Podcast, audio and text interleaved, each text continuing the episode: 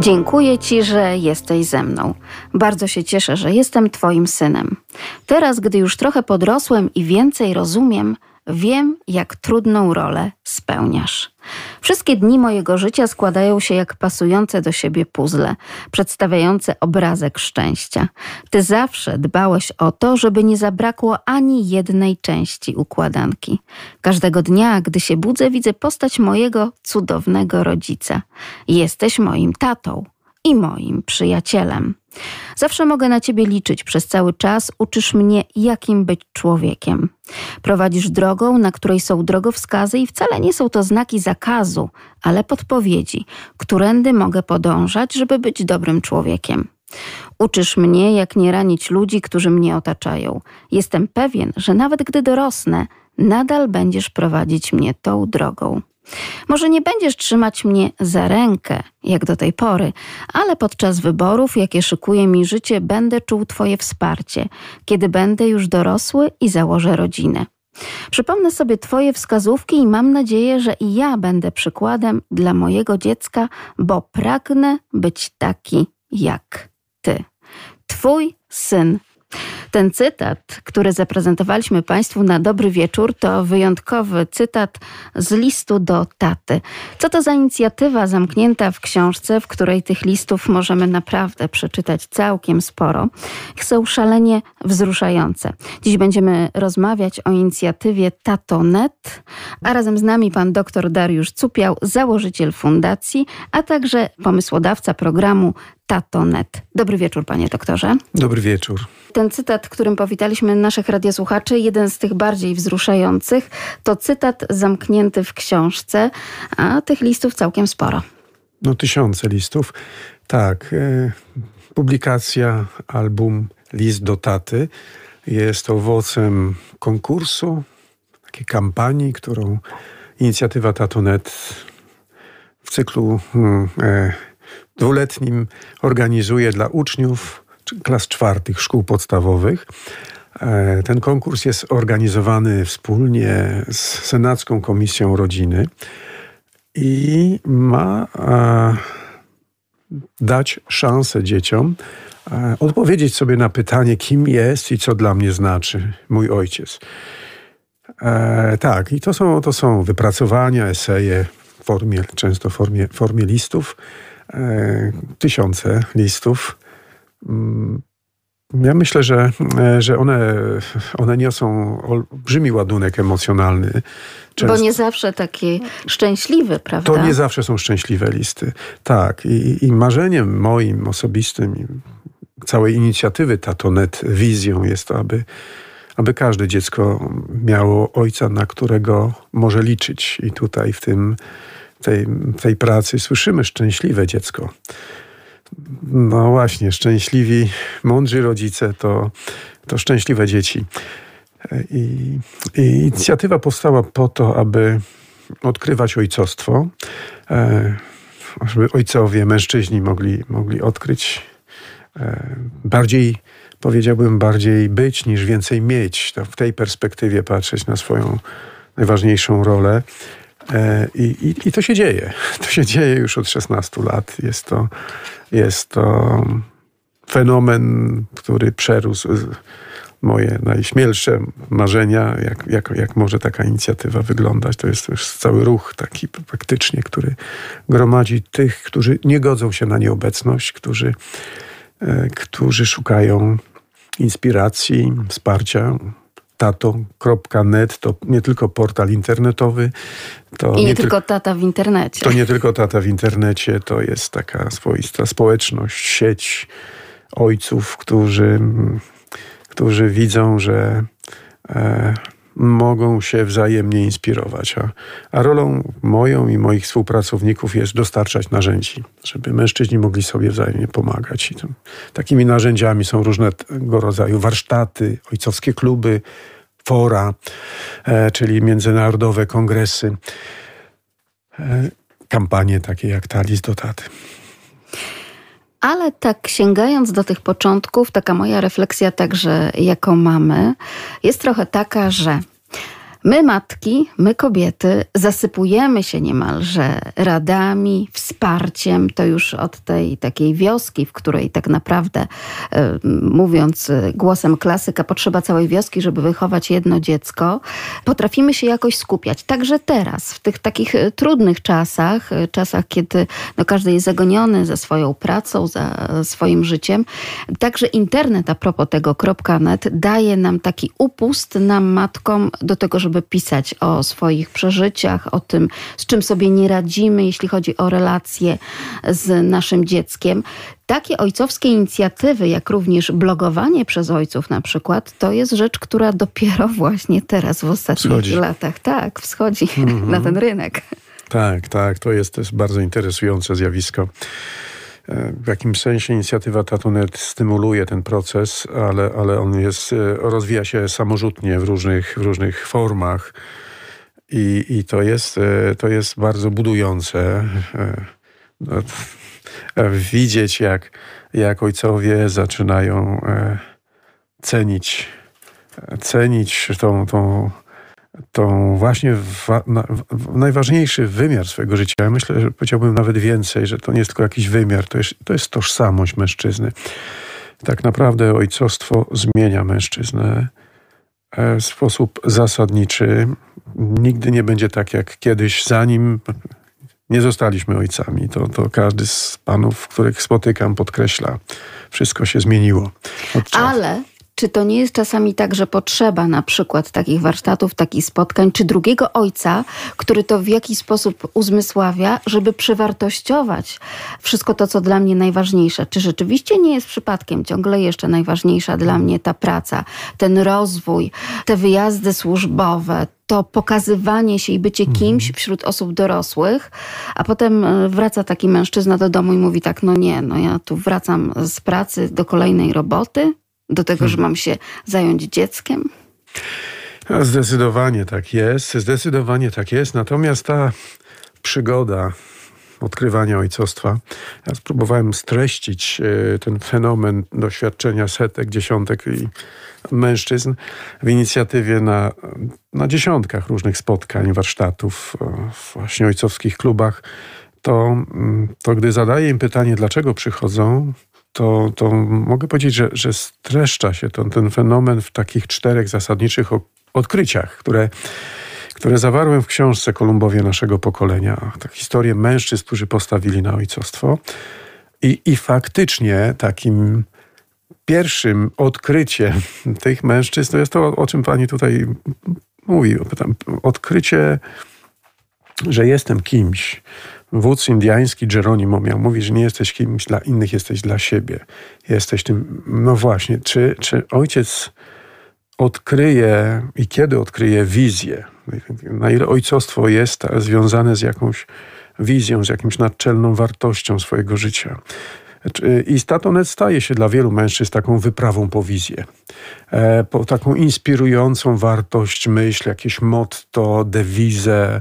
Potrzebuję czegoś, co streści to, to sens wszystkich moich oddziaływań, wysiłków i, i da pewien taki, o taką oś życiowego posłannictwa. I to, to jest wielkie C, ale tak się dzieje faktycznie. Tak się dzieje i i o ile w pierwszych latach tej inicjatywy, jest już 16 lat, jeszcze nie jest pełnoletni, a, a, ale, ale to już naprawdę dużo. To już naprawdę. jest, tak. E, to częściej widziałem to zjawisko um, mężczyzn, którzy są bardzo zakompleksioni, tak, zakompleksieni w takim dużym poczuciu niedoczasu, winy, rzeczywiście presja pracy, presja różnych obowiązków powoduje, że oni w sumieniu czuli, że, że coś jest nie tak. E, I to takie niskie poczucie wartości siebie dominowało dominowało i, i, nawet robiłem takie badania, takie sądy wśród grupy, gdzie jest 30 mężczyzn. Poprosiłem, żeby podnieśli rękę ci, którzy kiedykolwiek zostali docenieni przez innych w trakcie edukacji. By, jakaś, jakiś dobry rok w szkole, jakieś, jakieś, jakaś akademia, gdzie twoje imię i nazwisko zostało wyczytane. No, może 60%. 50 podniosło ręce. E, pytałem, kto z nich został uznany, doceniony w karierze zawodowej nieraz jakiś awans, jakieś do, do 80% potrafiło podnieść ręce. I trzecie pytanie było zasadniczym pytaniem, zatem kto z nich został kiedykolwiek doceniony, uznany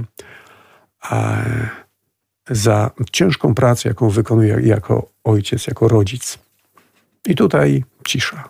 Może jedna, może dwie osoby podniosły rękę i to były często nie publiczne, tylko prywatne takie e, wyrazy docenienia, bo teściowa się zachwyciła, bo sąsiadka, no to już jest takie półpubliczne, ale bardzo rzadko w takiej przestrzeni publicznej zauważano kiedyś, że, że mężczyzna stara się, że wykonuje ważną, bardzo ważną pracę jako rodzic i dobrze ją robi. Dzisiaj to już się zmienia. Ale tutaj też upatruję winę i siebie jako żony, i siebie jako matki. Bardzo często też mamy, które odwiedzają nasze studio, też panie doktorze o tym mówią, że może czasami nawet nie tylko to, że nie doceniamy tego, co robi y, nasz mąż, partner w stosunku do naszych dzieci, ale często też nawet nie dajemy mu możliwości wykazania się, no bo przecież y, mleko pomyli, proporcje pomyli, mama, założenie mama te śpioszki i tak dalej. Tak, tak, tak. No tak, tutaj dochodzi, to jest wiele takich żartobliwych, humorystycznych takich scen związanych właśnie z takim takim poczuciem właśnie niekom, niekompetencji, którą się wpaja mm, temu rodzicowi, niekiedy nazywanego drugiego planu. Ty jesteś, masz pomagać. Ja kiedyś miałem taką żartobliwą sytuację. Inicjatywa jest zapraszana w różne części kraju, ale także za granicą za, i wschodnią, i zachodnią. W 15 krajach w sumie prowadziliśmy różne, różne formy oddziaływania. Pamiętam e, spotkanie w Berdyczowie na, e, na Ukrainie i, i, to było spotkanie ojców. Tam zorganizowano. Tam słowo ojciec, batko oznacza i mamę, i tatę, ale ale, I to bardzo znamienne. Tak, tak, ale, ale tutaj wyraźnie było zaznaczone, że to jest dla mężczyzn. E, no, ale, ale pewna starsza pani chciała się bardzo pojawić na tym spotkaniu, mówiąc, że ona też jest głową rodziny. No dobrze, ale to jest dla mężczyzn. No tak, tak, ale ja mam e, czwórkę, trójkę dzieci i męża. To są jej dzieci. Ona, ona cały czas z taką śmiertelną powagą traktuje swojego męża jako tak niekompetentnego, ona musi go wszędzie reprezentować i całą rodzinę musi reprezentować. Tak, i to, to niekiedy rzeczywiście taka rola, że on mi ma pomagać, a mi nie pomaga. No dlaczego? No bo cztery razy mu mówiłam, żeby wyniósł śmieci, on cztery razy mówił, że to zrobi i nie zrobił tego. Nie pomaga mi. No i być może dlatego ten impuls ze strony mężczyzn jest tak ważny, żeby obudzić w mężczy mężczyźnie ojca, odpowiedzialność ojca. Tutaj używa Pan słowa tego pomagamy. Ostatnio y, karierę robi taka kwestia wśród y, wielu matek y, i ojców też oczywiście, którzy przesyłają sobie mm, takie listy motywacyjne. To jest też takie szalenie popularne teraz w internecie, prawda, na tych forach rodzicielskich, mm, parentingowych, że to nie jest tak, że on ma pomagać. On, czyli ten mężczyzna, partner, ojciec dzieci w domu. Co to znaczy pomagać? On ma być, współtworzyć to wszystko. To rzeczywiście tu musi być partnerstwo, a nie pomaganie. Pomaga to nastolatek wynosić te śmieci, tak?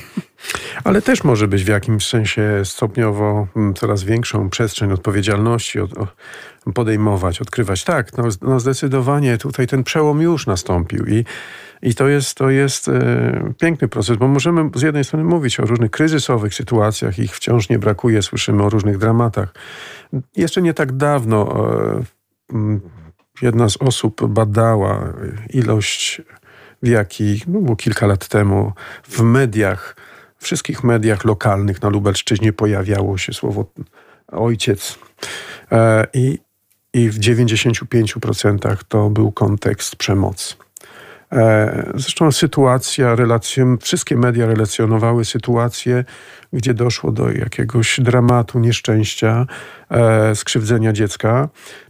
Chociaż e, tak naprawdę tym, który skrzywdził był partner czasowy matki tego dziecka. To nawet nie był ojciec, ale... ale biologiczny. Biologiczny, tak, ale, ale sygnał, reputacja ojcowska mm, została tak mocno tutaj dotknięta, że ojciec to jest ktoś, kto, kto krzywdzi.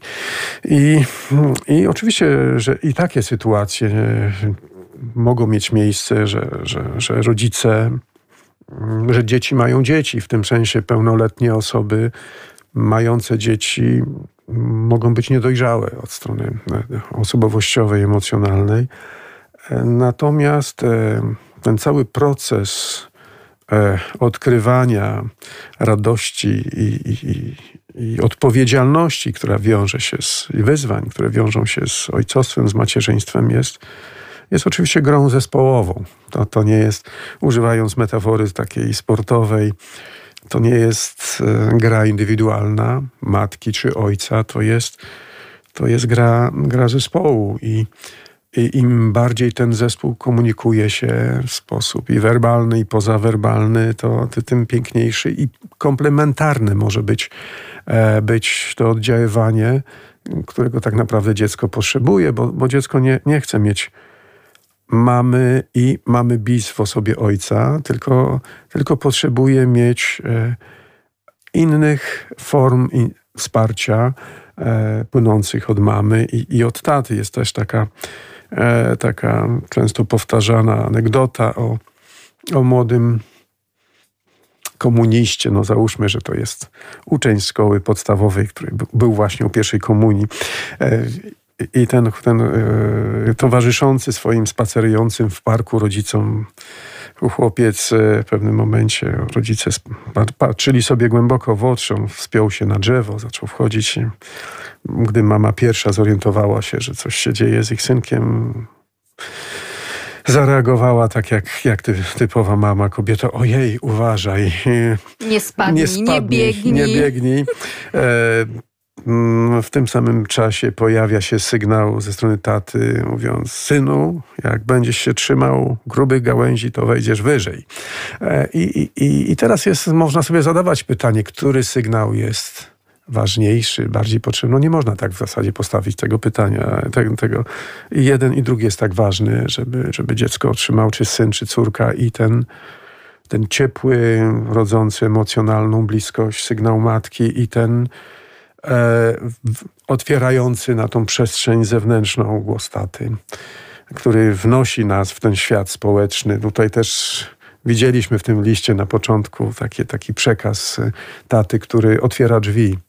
Który, który wprowadza w świat. I o ile mama grzeje to ognisko domowe, e, to tato mm, daje to poczucie bezpieczeństwa nie tylko w domu, ale na zewnątrz. Tutaj też bardzo piękna korelacja nam wychodzi z takiej codzienności, kiedy to możemy sobie wyobrazić, że mama jednak dociska ten klosz ochrony. Tata go tak minimalnie za każdym razem uchyla. Widać to chociażby w sposobie nauki dziecka jazdy na rowerze bez doczepianych kółeczek. Czyli jak z tym kijkiem, prawda, tata biegnie, to on naprawdę go bardzo rzadko trzyma w porównaniu z mamą, która po prostu kurczowo nawet dwiema dłońmi utrzymuje kijek i nie daje dziecku rzeczywiście rzeczywiście pojechać już tak, że tak powiem, na pełnym gazie. O tak, tak. I tu jest też taka, otwiera nam się taka przestrzeń hmm, trochę maksym życiowych, góralskich związanych, czy z rowerem tutaj mówimy, ale to też mogą być e, wysiłki związane z nauką jazdy na nartach chociażby i ta, ta znana maksyma góralska, jak się nie przewrócisz, to się nie nauczysz. I, i, i tutaj te upadki, one są częścią wychowania, częścią zdobywania jakichś kompetencji bardzo ważnych. Myślę, że tutaj ojcowie mają w swojej, nie chcę powiedzieć w genach, ale, ale w naturze częściej, chociaż też nie zawsze, tą kompetencję, żeby towarzyszyć dziecku e, i dawać sygnały do wyjścia, ale także towarzyszyć przy upadkach.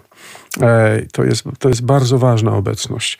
To jest bardzo ważna obecność. Ja byłem świadkiem, teraz e, trwają takie programy trzydniowych ekspedycji dla taty i syna lub taty i córki. Nazywamy to wielką przygodą, czyli takie warsztaty przygodowe. To są to jest coś więcej niż nie, niekiedy w formie spływu kajakowego, nieraz w formie jazdy konnej, spinaczki, rafting. Tak, leśny survival, widziałam no, takie tak. zdjęcia, fotografie. No, dokładnie. Świetna sprawa. To są takie różne roz, rozwiązania, gdzie, e, gdzie przez pewną metaforę, czy to jest spinaczka, czy, czy jaskinie, czy, czy widziałem taki trening rycerski, w którym uczestniczyli ojcowie i synowie.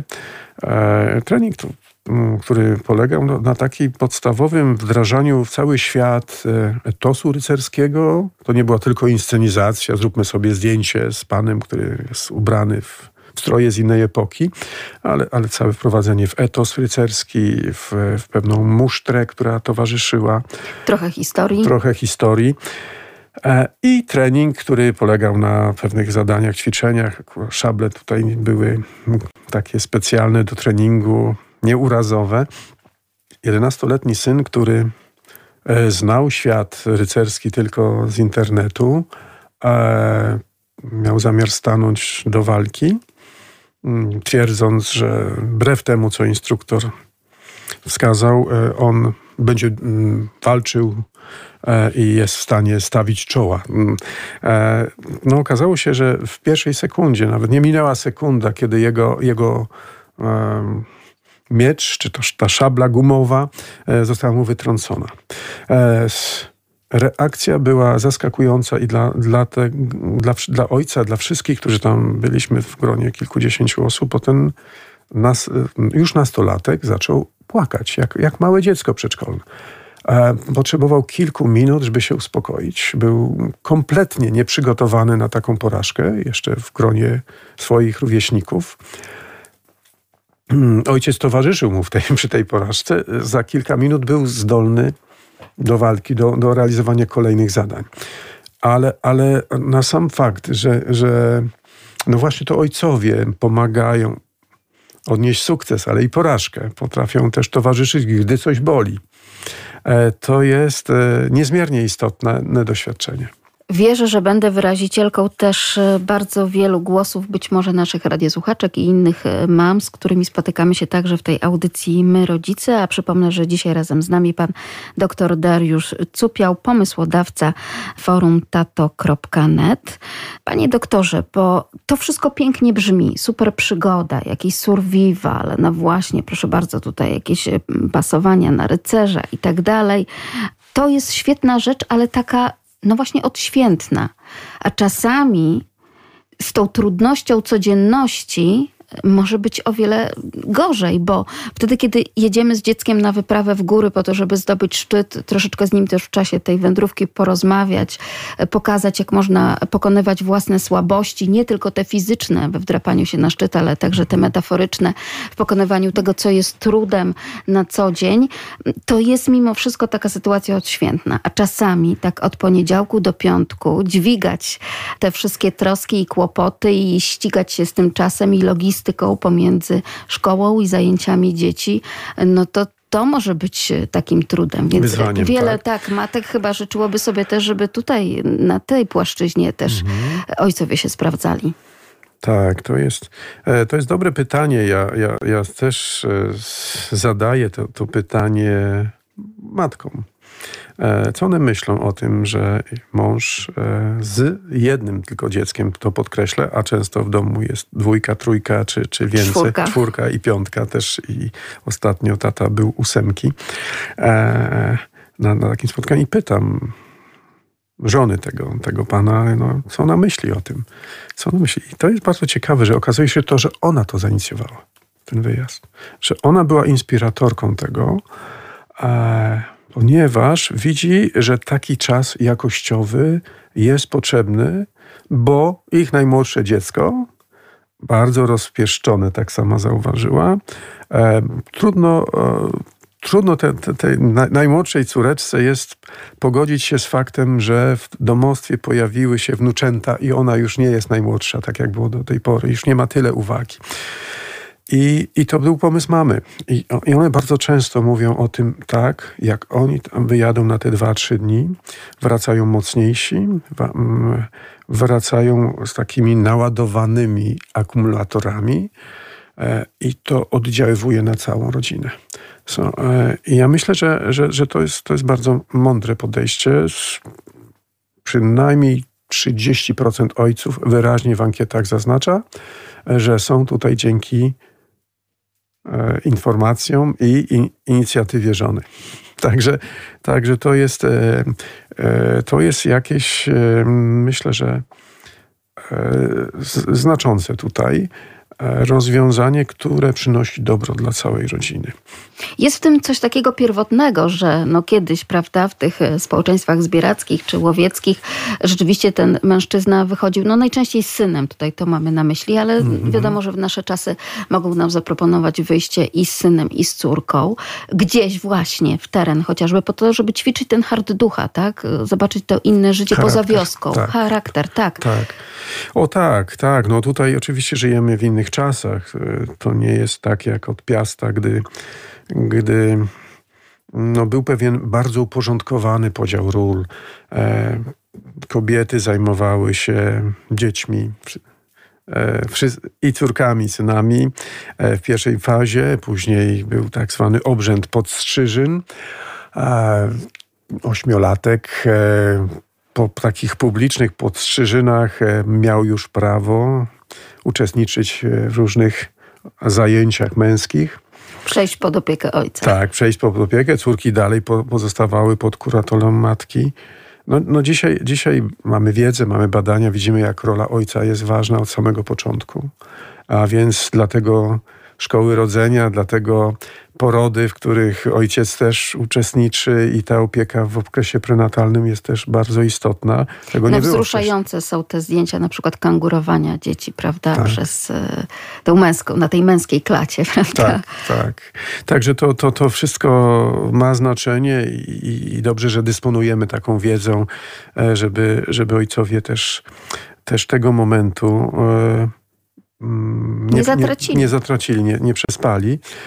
E, ale, ale faktem jest, że, że gdy dziecko usamodzielnia się coraz bardziej, e, to właśnie ojcowie nadają tożsamość. Nie tylko w momencie poczęcia, kiedy to, to nie tylko wtedy ojciec decyduje o płci, o tożsamości, ale do, no przede wszystkim wtedy, kiedy to dziecko mm, e, odkrywa, już chłopiec staje się mężczyzną, dziewczynka staje się kobietą to właśnie relacja z ojcem jest bardzo ważna w takim pełnym kształtowaniu się tożsamości.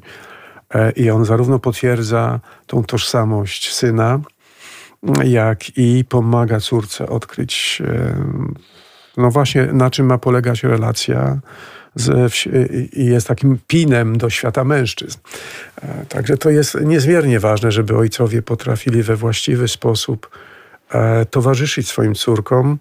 W inicjatywie Tatonet mamy taki program dla nastoletnich córek i ich ojców. To, ten program nazywa się Tato Córka Nowe Spojrzenie. To jest jednodniowy warsztat, e, kiedy tato właśnie tylko z jedną córką już e, dorastającą lub dorosłą spędza cały dzień, jedzą uroczyście we dwoje obiad, mm, zadają sobie szereg pytań, wykonują różne, różne aktywności, które pomagają bardziej się wspierać, bardziej się zrozumieć.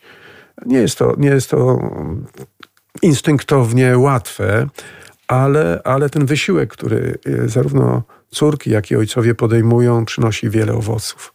I to jest niesamowite. Właśnie zerkam tutaj na Państwa stronę tato.net. Oczywiście odkrywamy ojcostwo, że w czasie tego warsztatu ojciec i córka, no właśnie, to nie jest tylko warsztat po to, żeby się ojcowie spotkali i podyskutowali sobie o tym, jak oni tę relację z córką radzą sobie lub tak, nie radzą. Tak, tak, tylko właśnie to ma być to wspólne uczestniczenie, tak? Tak, to jest, to jest spotkanie Niesamowite. z wyjątkową mhm. osobą. I tutaj jest, jest bardzo taki reżim abstynencji, nie tylko, to nie ma żadnych alkoholi innych, innych, ale abstynencji od cyfrowego świata, więc mm, całkowita koncentracja na tej ważnej osobie. E, I, i, i, I, faktycznie to się, wielu, wielu z nich mówi, było nowe spojrzenie. Nigdy nie przypuszczałem. Jestem zaskoczony. Jeden z ojców, który mnie wprowadzał w świat ojcostwa, bo, bo razem z żoną prowadził szkołę rodzenia, gdy, gdy ja przygotowywałem się do przyjścia na świat mojego pierwszego dziecka. Po latach ze swoją córką, już drugą, bo najstarsza już założyła rodzinę, pojawił się na tym warsztacie. E, bardzo dobry ojciec, e, bardzo świadomy ojciec, ale chciał być jeszcze lepszy. I, i po spotkaniu, po dialogu, bo rdzeniem takim osią tego spotkania jest dialog. Jeden na jeden, tato, córka. Podzielił się z nami, z, z ojcami, którzy tam byliśmy, tak, takim swoim odkryciem. Wiecie co, panowie? Zadałem mojej córce, mm, co najmilej wspomina w naszej relacji. I ona mi powiedziała, że jak byliśmy na zakupach w jakimś markecie kilka lat temu. On mówi, córeczko, my, my co tydzień robimy zakupy. Takie duże, rodzinne. Tak, tak. Ale ona mówi, ale wiesz co, tato, wtedy byłeś tylko ze mną. Mhm. Możesz powiedzieć więcej, co wtedy się stało? Bo ja nie pamiętam. Bo ja nie pamiętam. E, no tak, kupiłeś e, mi to, sobie to. Mhm. I co było później? No później byliśmy na, des na deser się udaliśmy. Aha. I co? No kupiłeś mi to, a sobie to. Ona wszystko zapamiętała. Jak pierwsza randka. Tak. I, I ten ojciec e, no, z takim głębokim wzruszeniem mówi, faktycznie, jak mogłem tego nie widzieć? Jak mogłem tego nie widzieć? I takich scen jest bardzo wiele. Bardzo wiele, w której ojcowie widzą, że, że, że niekiedy no, e, coś im umyka, a nieraz właśnie przez takie jakościowe chwile mm, no, zapisują historię bo o tym mówi już rodzicielstwo bliskości. I to, co tutaj pan przytaczał, panie doktorze, tę sytuację, że spotykamy się z tym jednym dzieckiem, to jest ta ogromna wartość. U nas w domu są bliźniaczki rozdzielić je po to, żeby jeden rodzic i drugi rodzic mógł spędzić ten swój czas y, z jedną bliźniaczką i z drugą. Jest to bardzo ciekawe, logistyczne rozwiązanie, ale to jest niesamowite, że nawet przy bliźniętach jednojajowych te dzieci, jako absolutnie odrębne jednostki, też potrzebują mieć ten swój czas tylko z tatą i ten swój czas tylko z tylko mamą. Z mamą. Ja tutaj dorzucę taką historię. Mm, no, których wiele. Spotkam, rozmawiam e, z dziennikarką, która, która też zbierała materiał na temat inicjatywy Tatonetu Ojcostwa, tak przeżywanego, realizowanego w Tatonet i dzieli się swoją historią, mówiąc, że jest, e, jest jedną z sióstr, e, właśnie bliźniaczek. I, i, I taki sekret jej taty. Całe życie wydawało jej się, że tato bardziej ją kocha niż siostrę. I e, gdy po latach zapytała, jak czuje się jej siostra w tym obszarze, okazało się, że siostra dokładnie tak samo przeżywa relacje ze swoim tatą. No, to są sekrety, właśnie my to nazywamy efektywnych ojców. Zresztą jeden z warsztatów, jedna z publikacji nosi taki tytuł Siedem sekretów efektywnego ojcostwa. Tak, faktycznie ta, ta, ta sztuka e, takiego doceniania dziecka, nie, nie, nie, nie wyróżniania jakiegoś preferowania, ale takiego doceniania, w którym każde z dzieci czuje się wyjątkowe. Kiedyś mój, mój ojciec, już nieżyjący, e, na pytanie mojej siostry, wtedy byliśmy w trójkę, później jeszcze jeden brat przyszedł na świat, zapytaliśmy, e, moja siostra sprowokowała tatę, on okazywał nam swoją miłość, ale, ale rzadko mówił, że, e, że nas kocha. W zasadzie komunikował to przez swoje czyny. E, I, I, gdy siostra go zapytała, tatusiu, kogo z nas najbardziej kochasz, on wtedy wyraził to, że mam dla, dla każdego z was specjalne miejsce w swoim sercu. Pięknie to, to ujął. No to I, specjalne, i to, to rzeczywiście tutaj I to dało nam dużo, dużo siły, dużo, dużo, dużo takiej przyjemności w dzieciństwie i na całe życie to przesłanie. A chcę tutaj powiedzieć, jak, e, e, jak ojcowie dzieląc się na, w klubach ojcowskich, nie, nie zapomnę takiego doświadczenia, w którym tato, który ma szóstkę dzieci, w tym jedno adoptowane, gdy wraca z pracy, dzieli się swoją wyłącznością, gdy, gdy dzieci wołają tato, tato, ja to, ja tamto, on, on e, ma taką metodę, że 100 a nawet 110% koncentracji poświęca jednemu dziecku przez dwie minuty. I, I, tutaj nic innego się nie dzieje. Jakiś telefon, SMS-y, nawet jakby, jakby jakiś najwyższy w, e, przełożony w pracy dzwonił, to nie istnieje. On z taką koncentracją słucha swojej córeczki czy syna, e, wtapia się w to dziecko, żeby je wspierać, że tak jak później nam informuje, że te dwie minuty dają temu dziecku energię na 2-3 godziny. Po, po dwóch, trzech godzinach to dziecko znowu już potrzebuje na dwie minuty swojego taty, bo coś, jakiś problem to tak się jak pojawi. z pokarmem. Ale coś takiego, tak. I, I to są te różne sekrety, które ojcowie... Mamy wiele pięknych praktyk e, w naszych rodzinach i, i myślę, że Tatonet jest po to, żebyśmy mogli je e, w, takim, e, w takiej społeczności bardziej upubliczniać, bardziej promować, dzielić się nimi. To się dzieje przez przez portal, przez cotygodniowe newslettery bardzo jest duże zainteresowanie taką dawką wiedzy i praktyk. Co, co sobotę wysyłamy newsletter do kogokolwiek, kto chce. Na dostajemy informację zwrotną i z Australii, i z, i z Meksyku, i gdzieś, gdzieś z, z, z każdego zakątku Polski, że rzeczywiście te, te newslettery pomagają e, przemyśleć coś ważnego. No przede wszystkim wykonać najcięższą pracę, jaką każdy mężczyzna ma do wykonania, czyli pracę nad sobą. Ale też przypominają, bo rzeczywiście w Nawyki tym takim są ważne, tak. tak. To są nawyki. Mhm. Gdzieś to ucieka. Nie mam czasu. Jak nie masz czasu? Poświęcasz czas na coś innego, co jest dla ciebie ważne. Zresztą, bo mówimy o tym forum, które się zbliża. To jest takie święto nasze jesienne, 14 listopada. E, to, to jest fenomen. Setki, blisko tysiąc mężczyzn zjedzie się z różnych zakątków Polski. Mamy nadzieję, że, że nie pokrzyżuje nam tych planów e, epidemia. Ale nawet jeżeli nie moglibyśmy się spotkać e, twarzą w twarz, to, to mamy też scenariusz online, zdalny i, i też takie... Asekuracyjnie roz... przygotowali Asekuracyjnie Państwo. jest to przygotowane. Ale, ale właśnie to spotkanie będzie, będzie poświęcone e, priorytetom. Jak wytyczyć, jak e, jak e, wytyczyć priorytety w ojcostwie, bo możliwości, którymi dysponujemy, jest bardzo, bardzo wiele, a, a jak wybrać to, co jest najważniejsze? Ktoś nie ma, nie ma też czegoś takiego, że nie ma czasu. Wszyscy mamy 24 godziny na 7. To jest przez 7 dni w tygodniu. Na co przeznaczamy ten czas, to już są nasze decyzje, nasze wybory. I tutaj po raz kolejny taki trochę matczyny żal gdzieś tam z tych listów, które dziewczyny w internecie zamieszczają, no, że coś się porobiło z nami takiego egoistycznego. Tutaj nawet no, nie dzieląc na to, czy to ojciec, czy matka, no, te nasze mm, zabawy dorosłych są dla nas ważniejsze nie mam tutaj na myśli absolutnie jakichś zdrożnych, erotycznych rzeczy. Nie. Chcę powiedzieć o tym, że to, że oglądamy na przykład od 20 do 2 w nocy cały sezon serialu na znanej platformie e, jakiejś internetowej, to, że jesteśmy często uzależnieni od gier i od tego jednak przesiadywania e, mhm. przy tym e, komputerze, otworów społecznościowych i tak dalej, i tak dalej, no to też nam zabiera ten czas i siłę na ten poranek, żeby on był taki pełny i wartościowy z naszym dzieckiem po prostu. Absolutnie. Absolutnie to jest e, walka, która toczy się o nasz czas, o naszą uwagę.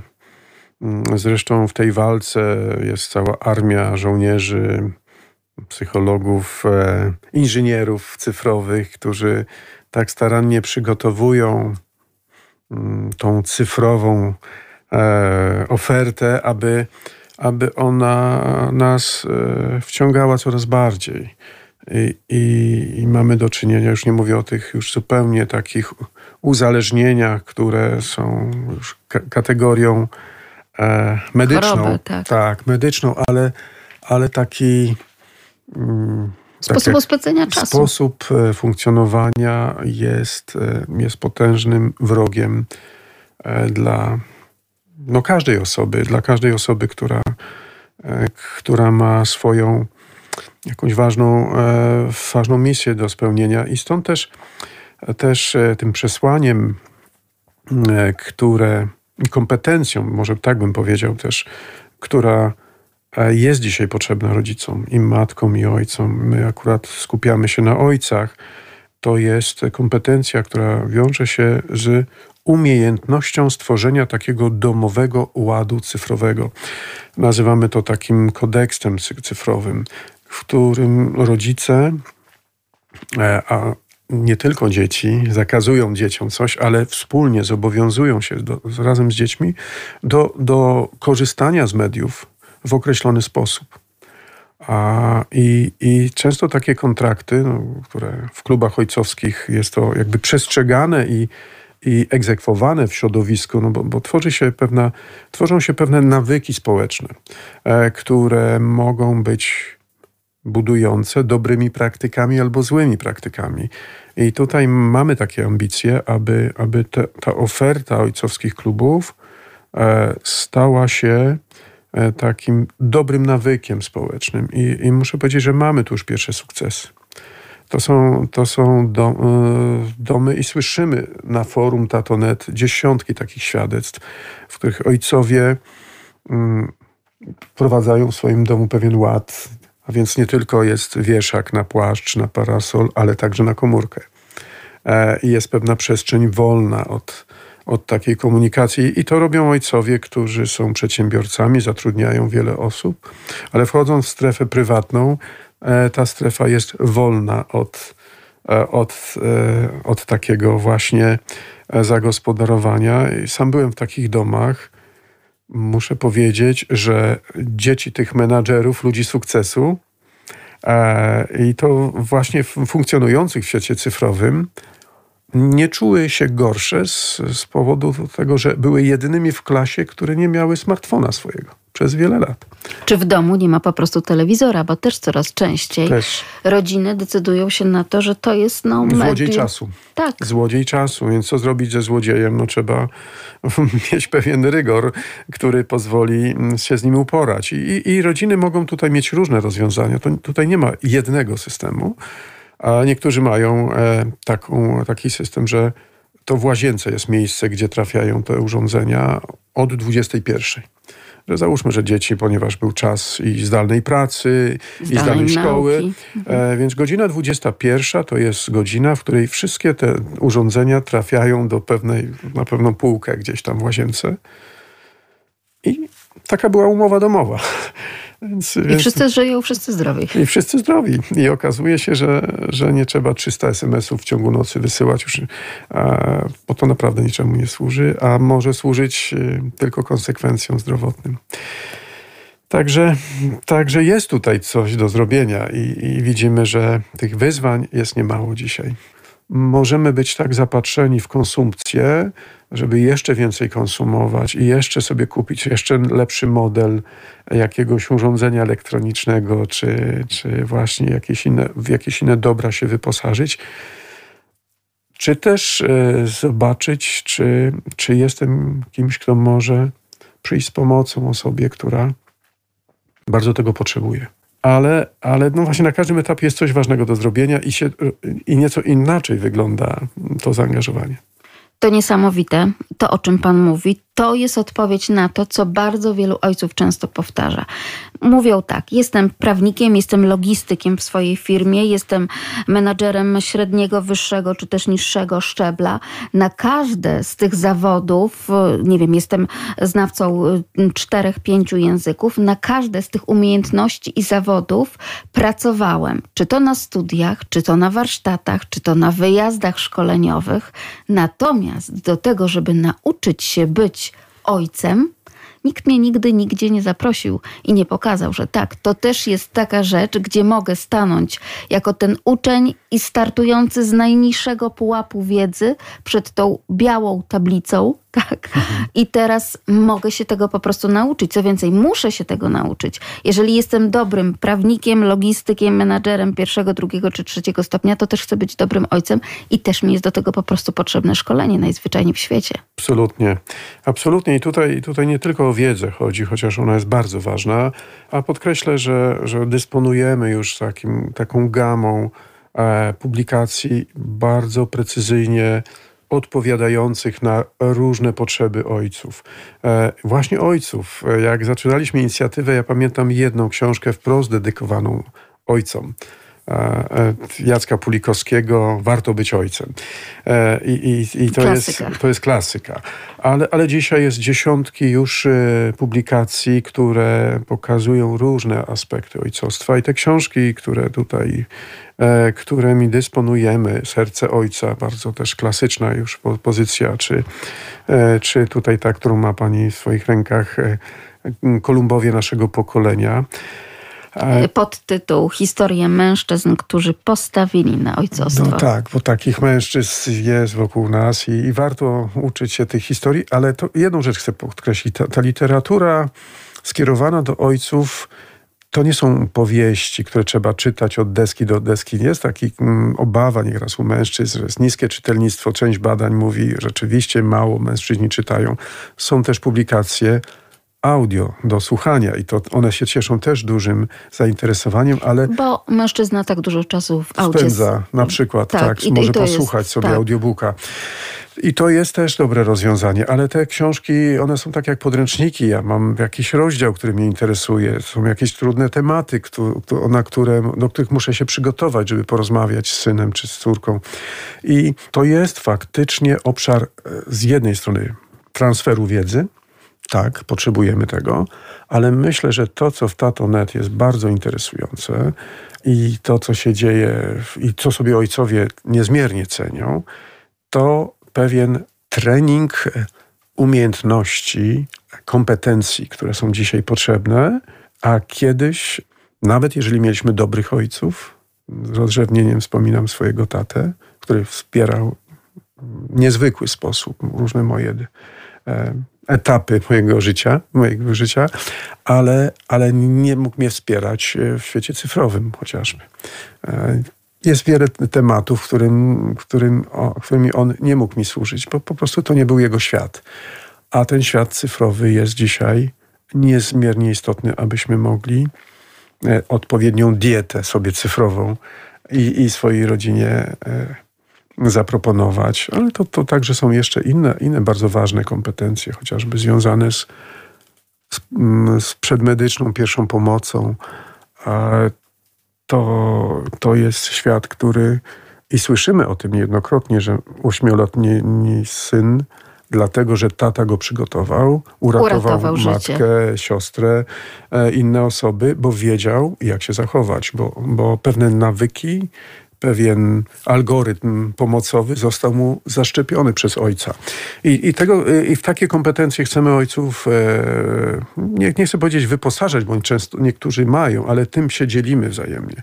Tym się wzajemnie dzielimy i umacniamy się w tym, żeby, żeby być przygotowanymi do dobrych e, zachowań, a nie reagować na różne sytuacje kryzysowe w taki sposób, zabobonny, nie wywołujmy wilka z lasu, to, to, bo, mm, to się to może nie stanie, skoro, skoro nie będziemy jakiegoś tematu przykrego mm, e, podejmować. Tak pięknie powiedział Pan o swoim e, świętej pamięci ojcu. I rzeczywiście jest coś takiego w tych e, ojcach z tamtego pokolenia, że on poprzez swoje czyny tak naprawdę pokazywał, jak kochanym ojcem jest, e, jak o państwa dbał, o Pana i o Pana rodzeństwo. Niekoniecznie przez takie wylewne prezentowanie tych uczuć. I tutaj to jest kolejna rzecz, bo przecież dziecko odwzorowuje, tak? Więc to, co widzi w tym postępowaniu rodzica, no to łatwiej mu jest przyjąć niż wtedy, kiedy słyszy od tegoż oto rodzica, że rób tak, a nie inaczej, a widzi coś zupełnie sprzecznego, prawda, w zachowaniu ojca na przykład. No są różne, różne są języki miłości, ale, ale bez wątpienia taką e, wartością, którą e, ojcowie wnoszą, e, albo chcielibyśmy zabiegać o to, żeby w większym stopniu ją wnosić, to jest taka wewnętrzna spójność uczciwość i to, e, to jest e, ten obszar, który mm, no myślę jeszcze jest do odkrycia. Wciąż jeszcze gdzieś tam wokół nas jest taki e, duch homo sovieticus, czyli, czyli takiej osoby posowieckiej, która jedno mówi, drugie myśli i trzecie robi. E, nie brakuje takich postaw, natomiast to, co, co wyróżnia no, ten rodzaj rodzicielstwa, bo mówimy tutaj do rodziców, nie tylko do ojców, to jest właśnie wewnętrzna spójność. Jest takie piękne słowo w języku angielskim, które jest nieprzetłumaczalne. Bycie takim man of integrity. E, niektórzy tłumaczą to jako uczciwość. Po części to jest rzeczywiście dobre tłumaczenie, ale to nie wyczerpuje. To jest taka właśnie wewnętrzna spójność. Pozwolą Państwo, że jeszcze jeden list zacytuję. Przypomnę, że w tym momencie sięgam do pozycji list do taty. Jesteś najcudowniejszym tatą, kiedy nie pijesz. Bardzo, ale to bardzo lubię spędzać z Tobą czas. Jesteś najlepszym ojcem na świecie. Jedno mnie tylko martwi od wielu lat. Chodzi o to, że tak często pijesz alkohol.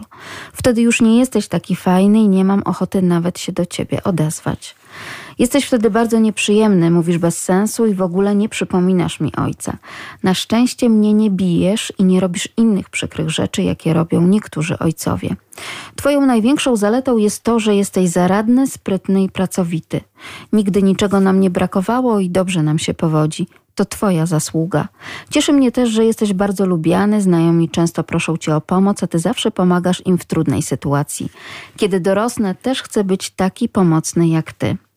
Jednak przez Twój nauk te wszystkie Twoje zalety już tak nie cieszą. Ja sam nie mam zamiaru popaść w alkoholizm i chcę uchronić swoje dzieci przed skutkami tego strasznego nałogu.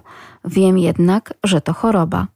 Kocham Cię bardzo i przepraszam, że byłem taki szczery, ale musiałem to zrobić, żebyś w końcu pomyślał o podjęciu leczenia. Pragnę tego najbardziej na świecie. Twój syn.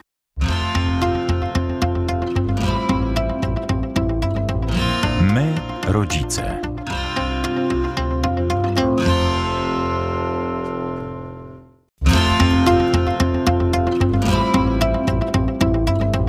My, rodzice.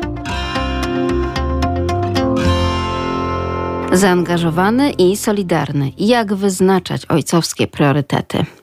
Dzieci potrzebują ojców zaangażowanych, którzy potrafią mądrze poświęcić im czas. Taki ojciec, jako przewodnik dla swojej rodziny, wskazuje życiowe cele i środki do ich osiągnięcia. Ale ojciec zaangażowany jest przede wszystkim obecny w życiu dziecka, które widzi wówczas, że tato nie myśli tylko o sobie, swojej pracy, ale jest dla dla dziecka. Dla żony zauważa potrzeby drugiego człowieka i wychodzi im naprzeciw. Jest po prostu solidarny. Gdy dziecko widzi ojca zaangażowanego, wolnego od narcyzmu, uczy się od niego nieobciążonego egoizmem bycia dla innych i sposobów mądrego budowania solidarnego społeczeństwa. Forum Tatonet będzie okazją do poznania konkretnych osób i ich działań, które realizują taką właśnie strategię i są inspiracją do stworzenia własnego planu bycia ojcem zaangażowanym i solidarnym. Zapraszam Państwa teraz do wysłuchania jednego z live'ów forum Tatonet. Tato ekranoodporny, sześć zasad cyfrowego ładu. Jest to live z Jarkiem Kanią, który jest autorem bloga i podcastu Ojcowska Strona Mocy. Jarek Kania to doświadczony tata trzech córek. A z Jarkiem Kanią z Ojcowskiej Strony Mocy rozmawia dr Dariusz Cupiał, inicjator projektu Tatonet. Chciałem Wam przedstawić dżentelmena, który jest tatą trzech córek. I to jest e, no, piękny bukiet. Trzy kobiety, trzy kobiety. Jak to jest być tatą trzech córek? To jest, to jest wyzwanie na pewno.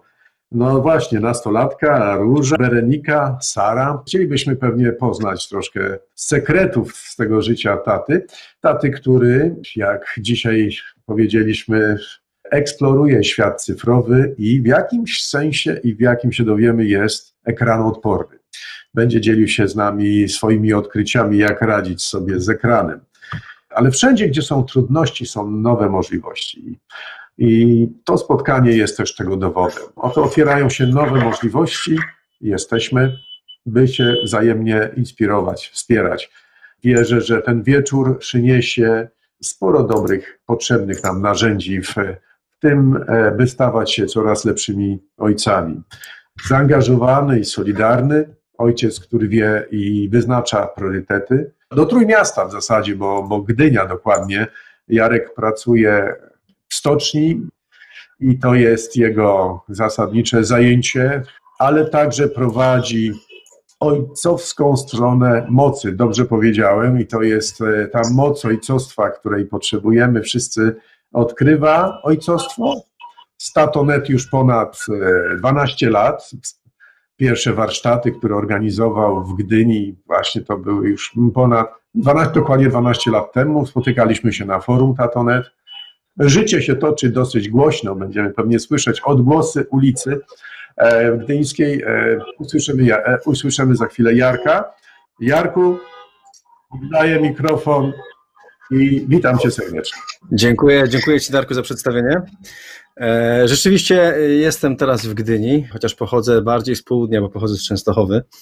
Natomiast mieszkam już od no, 12-13 lat w Trójmieście e, i zajmuję się w internecie sprawami dwojakimi. Mianowicie prowadzę bloga oraz podcast pod wspólną nazwą Ojcowska Strona Mocy, na którym to staram się mówić o dwóch rzeczach. Po pierwsze, o relacjach, ponieważ wiesz, że relacje między rodzicami a dziećmi, między rodzicami wzajemnie są tym, co tak naprawdę e, spaja rodzinę i pomaga jej być silną i przetrwać różnego rodzaju burze, a także pomaga ostatecznie, kiedy dzieci już kiedyś wyfruną, mnie to jeszcze nie czeka, znaczy czeka, ale jeszcze nie teraz, pozostać ze sobą wzajemnie i silnie. Więc wierzę w relacje, wierzę w moc relacji, które tak naprawdę są bardzo ważne w drugim kontekście działań mojego bloga, o których piszę, czyli o świecie cyfrowym i o domowych zasadach ekranowych i o wprowadzaniu dzieci w świat telefonów komórkowych, ponieważ to się wszystko bardzo mocno wiąże. Ten świat cyfrowy funkcjonuje jakoś obok nas, dla nas, ludzi urodzonych jeszcze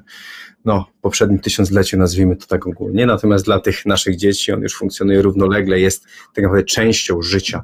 Ich świat wirtualny i cyfrowy się przenikają. Ten cyfrowy coraz mniejszy, pomimo tego, że obejmuje cały świat tak naprawdę. Dowiedzieć się nieco o tym, w jaki sposób być świadomym rodzicem w erze cyfrowej, w świecie cyfrowym, ponieważ wierzę, że jest to bardzo ważne dla, dla dobra naszych dzieci i dobra naszych rodzin. Bo tytuł tego live'a e, mówi o tym, że mamy sześć zasad cyfrowego ładu. Jaka jest pierwsza? Bardzo często jest tak, że kiedy myślimy o daniu dziecku telefonu komórkowego, ponieważ przeważnie od tego się jakoś tam zaczyna, to chcemy wtedy nagle powiedzieć, OK, jak to zrobić, w jaki sposób zrobić to fajnie, w jaki sposób zrobić to dobrze. U nas tak to wyglądało między innymi.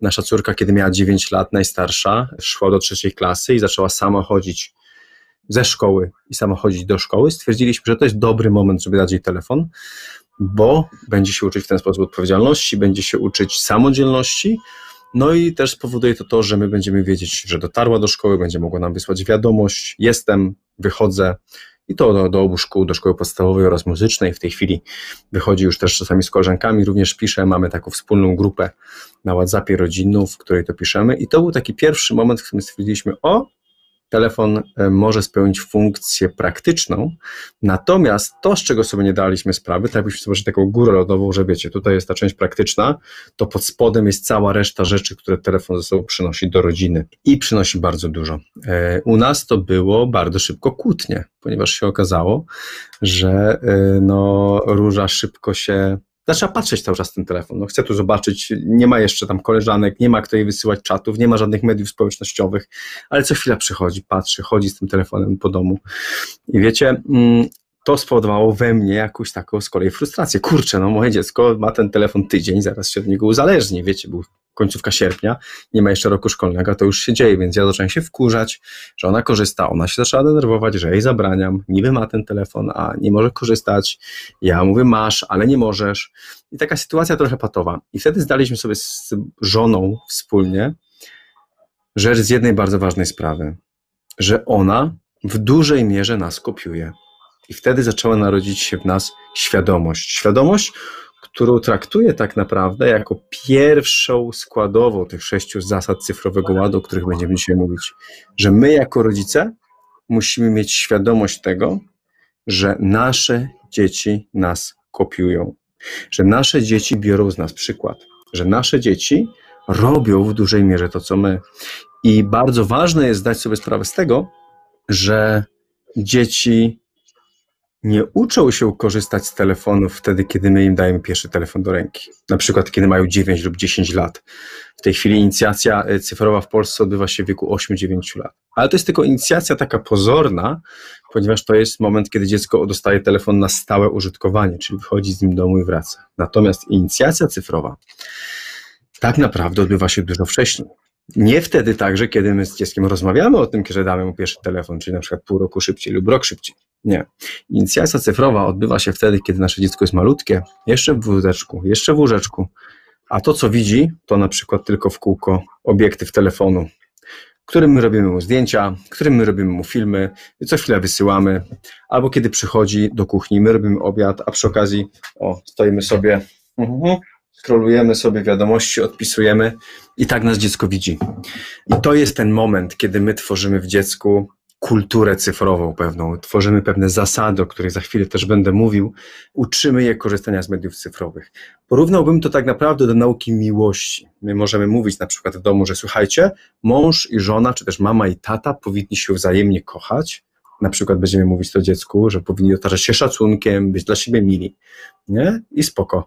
Ale jeżeli my nie będziemy na przykład przytulać się z żoną, nie będziemy dawać sobie y, całusów, nie będziemy się miło do siebie odnosić, no to dziecko zauważy szybko ten dysonans i wiecie, to po prostu będzie widziało, że to jest fake, fake taki bardzo gruby. I podobnie jest z tymi cyfrowymi zasadami, cyfrowym stylem życia. Jeśli my nie będziemy świadomie korzystać z mediów cyfrowych, to nasze dziecko będzie powielało nasze błędy. Jeśli my będziemy świadomie korzystać i świadomie poprawiać swoje bytowanie w sieci, no to jest bardzo duża szansa, że nasze dziecko pójdzie w nasze ślady. Także pamiętajmy to, że my uczymy korzystania dzieci z telefonu od maleńkości. I tu już wtedy, czy wyciągamy ten telefon co chwila, żeby zrobić mu zdjęcie i odpisać, czy jeśli z nami się bawi, to my kładziemy ten telefon obok, żeby tylko kiedy zadzwoni, zabuczy, zobaczyć, co pisze. Pokazujemy w ten sposób, wysyłamy dziecku sygnał, słuchaj, no jesteś fajny, jesteś tutaj moim dzieckiem, ale ten telefon jest ważniejszy. Wiadomo, każdy ma różną sytuację zawodową, każdy ma inną konieczność bycia dostępności pod telefonem, na przykład ratownicy medyczni czy jakieś osoby pracujące tutaj na, na pierwszej linii o walce życia o śmierć, no to wiadomo, że muszą być dostępni. Natomiast większość z nas zdecydowanie wykorzystuje to jako jakąś taką wymówkę, żeby tutaj być, a kiedy tylko zadzwoni, oderwać się od dziecka. Połóżmy ten telefon na bok. O tym będę za chwilę też mówił.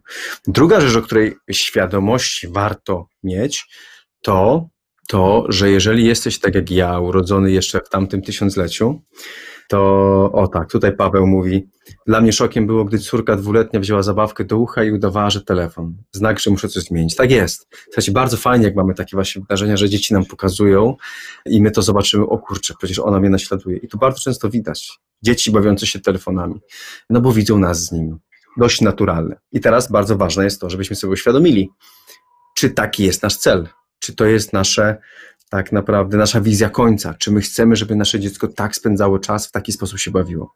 Jeśli nie chcemy, to musimy uświadomić sobie bardzo ważną rzecz, że, tak jak mówię, jeżeli my jesteśmy urodzeni gdzieś tam w latach 80., 90., 70., no to nas rodzice nie uczyli korzystania z telefonów ani ze smartfonów.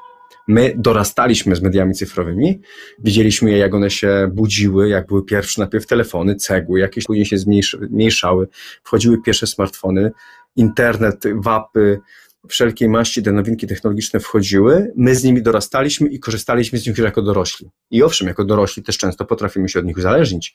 Ale teraz wyobraźcie sobie dziewięciolatka, który dostaje smartfona z całą możliwością rzeczy, których my do których my dorastaliśmy z czasem. Dlatego nam trudno jest te dzieci tego nauczyć. I dlatego musimy świadomie podjąć ten trud i wyzwanie. Nie możemy odpuścić. Znaczy, możemy odpuścić, oczywiście możemy.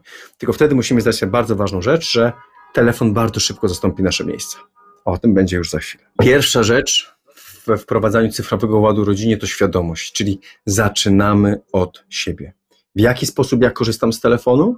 Jakie mam doświadczenia z własnego, własnej nauki mediów cyfrowych oraz co chce dziecku ostatecznie przekazać. Czyli, tak jak mówił Steven Covey w siedmiu mm, nawykach szczęśliwej rodziny, jaką mam wizję końca. I teraz narzędziem, tu przejdźmy od razu do praktyki, bo tu nie ma co owijać w bawełnę, narzędziem do tego są, słuchajcie, domowe zasady ekranowe. I teraz, choć brzmi to bardzo tak formalnie, tak twardo i grubo, to tak naprawdę każdy z nas posiada domowe zasady ekranowe, czy tego chce, czy nie. Bo posiadając chociażby jedno urządzenie cyfrowe w domu, jeden telefon, my już te zasady mamy, bo używamy go w jakiś tam sposób. Tylko bardzo często te zasady są zupełnie niesformalizowane, są nieokreślone. To urządzenie nam mówi, kiedy my go, z niego korzystamy, a nie my sami. I to właśnie było u nas. Wracając do tej historii o naszej córce, to my sobie zdaliśmy sprawę, że ona powiela nasze schematy, nasze zachowania, czyli chodzi wszędzie z telefonem po domu, no bo my też go cały czas mamy w kieszeni. Co chwila do niego zagląda, bo my też co chwilę do niego zaglądaliśmy. Nie? I zdaliśmy sobie sprawę, tak jak mówię, że musimy zacząć od siebie i postanowiliśmy to zmienić. I pierwszą rzeczą, jaką zrobiliśmy, oprócz tej świadomości, ale pierwszym takim fizycznym aktem naszego działania było stworzenie w naszym domu, w salonie połączonym z kuchnią, dokładnie, miejsca, w które odkładamy telefony komórkowe. Wszystkie trzy, które wcześniej mieliśmy, teraz już cztery. Na początku po prostu, wiecie, podłączyłem ładowarki do gniazdka, wychodził kabelek i telefon pyk i one sobie tam chodziły. I chodziło o to, żeby on pełnił rolę takiego telefonu stacjonarnego troszkę. Czyli po powrocie z pracy, czy po powrocie ze szkoły, przychodzisz i odkładasz telefon na miejsce, podłączasz go do ładowania i on się ładuje. Puk. Nie korzystasz z niego, bo nie potrzebujesz. W momencie, kiedy musisz zadzwonić, napisać maila, sprawdzić pracę domową, ktoś do ciebie dzwoni, to podchodzisz, bierzesz, rozmawiasz, korzystasz, idziesz do pokoju, co tam musisz zrobić, a kiedy skończysz, odkładasz. Chodzi o to, żeby wyeliminować nawyk noszenia telefonu ze sobą cały czas, bo jeżeli nie mamy go dostępnego co chwila przy sobie, no to o, będziemy z niego rzadziej korzystać. I o to troszkę nam wszystkim chodzi. Dodatkowo telefony w tej chwili są tak robione, aplikacje, że co chwila przysyłają nam powiadomienia. I to te aplikacje, powiedzmy, ważne zawodowo nawet, jak maile, jak jakieś komunikatory, jak i aplikacje takie typu Endomondo do trenowania, pogoda, jak i takie rzeczy jak gry. Co chwilę przysyłają wejdź, dzisiaj wejdź, dostaniesz 20 diamentów, jeśli nie, to ci przypadnie. Mnóstwo powiadomień, które przychodzi, bombarduje nas i wyrywa nas ze świata codziennego. Dlatego bardzo ważne jest, żeby odłożyć, odkładać telefon na stałe miejsce. Dodatkowo ma to też kilka ważnych, fajnych, takich praktycznych rzeczy. Po pierwsze, telefony nagle w domu przestają się gubić. Nie wiem, czy wam się to zdarzało. Na przykład przed wyjściem z domu, gdzie jest mój telefon? I jest poszukiwanie, zadzwoń do mnie w momencie, kiedy mamy telefony w jednym miejscu stałym, wiemy, gdzie ich szukać i one tam zawsze są. Wymaga to oczywiście jakiegoś tam czasu, żeby się do tego przyzwyczaić i odkładać je zawsze, ale jest bardzo praktyczne. Druga rzecz, przestają się gubić ładowarki, bo te, telefon jest cały czas tam ładowany, więc nie musimy już szukać po gniazdkach w każdym pokoju miejsca, żeby się włożyć. Tutaj nie ma ryzyka, że ktoś tam nadepnie telefon ładujący się w przedpokoju. Nie, one są w stałym miejscu.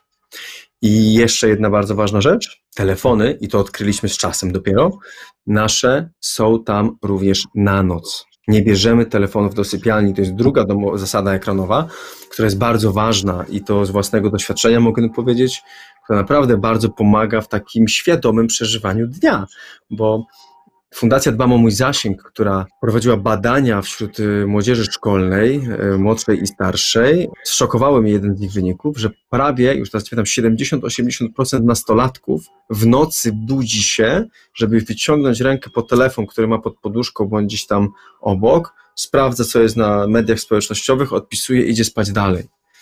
A wiemy wszyscy, jak nastolatki lubią być niewyspane to jest po prostu, u nich też się przesuwa ten pewien czas, więc jeśli jeszcze w nocy się budzą, no to to jest jeszcze gorzej. I wywalenie telefonu z sypialni daje, chyba nie znalazłem żadnego minusa, daje same plusy. I tu pomawiam tylko o kilku. Po pierwsze, właśnie to, że nastolatki, czy też my dorośli również, nie budzimy się w nocy po to, żeby sprawdzić, co się dzieje w sieci. Jest to zupełnie niepotrzebne. Możemy spokojnie się bez tego obejść. Natomiast my często nie mamy tego popędu, żeby to zrobić, natomiast jest coś takiego jak fear of missing out, czyli FOMO, które często dotyka nastolatków nadużywających telefonów, właśnie żeby sprawdzić, czy coś o mnie napisali, czy ktoś nie napisał, czy komuś odpisać, bo ktoś czeka na wiadomość. Więc tego nie ma. Druga rzecz, która znika, to są tak zwane, tu mówię na własnym doświadczeniu, problemy ze snem. Ja bardzo często, przez to, że pracuję na komputerze, dużo pracowałem. Komputer, telefon, pójście spać od razu. W momencie, kiedy wywaliłem telefon z sypialni i postanowiłem sobie, że przed snem będę pół godziny sobie czytał, bądź tam troszkę krócej w zależności od dnia, problemy ze snem mi się zmniejszyły. Kiedy zrobiłem sobie detoks cyfrowy i przez miesiąc nie korzystałem z aplikacji żadnych społecznościowych na telefonie, to w ogóle mi się spało rewelacyjnie. To jest często spowodowane też jakimś tam dopaminą, która nam się do mózgu ładuje i nas pobudza, ale także błękitnym światłem, które zaburza na poziomie neurobiologicznym wy, wydzielanie melatoniny, czyli tego hormonu snu. I w momencie jest związane z tym, że światło ze smartfonów, czyli z tych ekranów cyfrowych, imituje światło słoneczne swoją częstotliwością. I dlatego nasz mózg się oszukuje. Jest godzina 22, 23, jest północ, my już tacy zmęczeni, ale patrzymy się w to światło, które nam tu daje. Mózg mówi: OK, jest dzień, w związku z tym nie idziemy spać. Nie wiem, czy Wam się to zdarzyło również, że później kładziesz się po takim korzystaniu z telefonu i leżysz i patrzysz. I już 10, 10 tuzinów baranów przeleciało i dalej nic, i nie można zasnąć. Wywalając telefony z sypialni, sprawiamy, że ten problem w dużej mierze znika. Tutaj Anna pisze, że w kolejkach do lekarzy mamy przygotowane zestawy zabaw. Dzieci patrzą z tęsknotą na głuchy telefon, kamień, rzucę papier, różne zgadywanki, ale jak zapraszamy do zabawy, wracają do telefonu. Obok siedzi mama, tato z nosem w telefonie. No właśnie. To jest to, co właśnie Anna bardzo dobrze podkreśla, ten przykład nasz wcześniejszy. Dzieci widzą to, co my robimy i będą robić to, co my. Dlatego na przykład idąc do kolejki, warto albo nastawić się na rozmowę z dziećmi, albo na przykład na czytanie jakiejś książki, bądź jakichś innych aktywności, które nie są telefoniczne. Natomiast wiemy, że czasami po prostu jest to wygodne. Ale wróćmy do tej sypialni. Druga rzecz, którą daje nam sypialnia, kolejna, bo byliśmy, mówiliśmy już o budzeniu się w nocy, mówiliśmy o lepszym śnie. Trzecia to jest sexting Słuchajcie, bardzo ważny problem wśród nastolatków. My dorośli nazywamy go sextingiem, to brzmi tak bardzo, wiecie, twardo, ostro, ale wśród nastolatków to ma o wiele ładniejsze słowa, które nie są wcale takie straszne. To są softy, czyli wysyłanie sobie zdjęć w bieliźnie, to są nudesy, czyli wysyłanie sobie zdjęć nago. Nie brzmi to tak strasznie jak sexting, nie? Sexting brzmi groźnie, a nudeska, no to zawsze można sobie wysłać. Więc bardzo łatwo wysyłać je w dwóch miejscach, te nudesy. Po pierwsze to jest łóżko, pokazuję tu, bo jestem w pokoju dzieci, więc akurat tak łatwiej. E, więc wysy w łóżku, kiedy jest i fundacja z kolei daje dzieciom siłę. Miała kiedyś taką fajną kampanię Uważni Rodzice, w której o tym mówił. Pokazywała taki film dwuminutowy, e, że dzieci, e, córka właśnie wysłała kilka fotek i później miała duże problemy.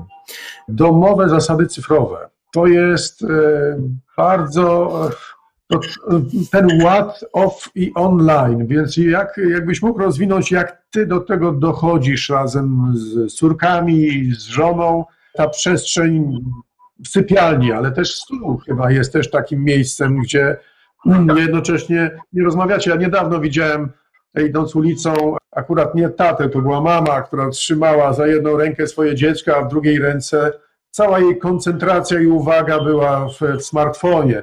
Więc więc to jest chyba też jakiś święty moment, kiedy, kiedy dziecko czuje ciepło dłoni swojego rodzica, ale z drugiej strony czuje chłód, który idzie z tego, z tego ekranu, bo, bo nie ma łączności. Jak, jak ty formułujesz, czy to, jest, to są zasady, które ty sformułowałeś sam jako absolwent różnych warsztatów i bloger, czy też z żoną, czy córki się też w to włączają? Jak to u Was wygląda?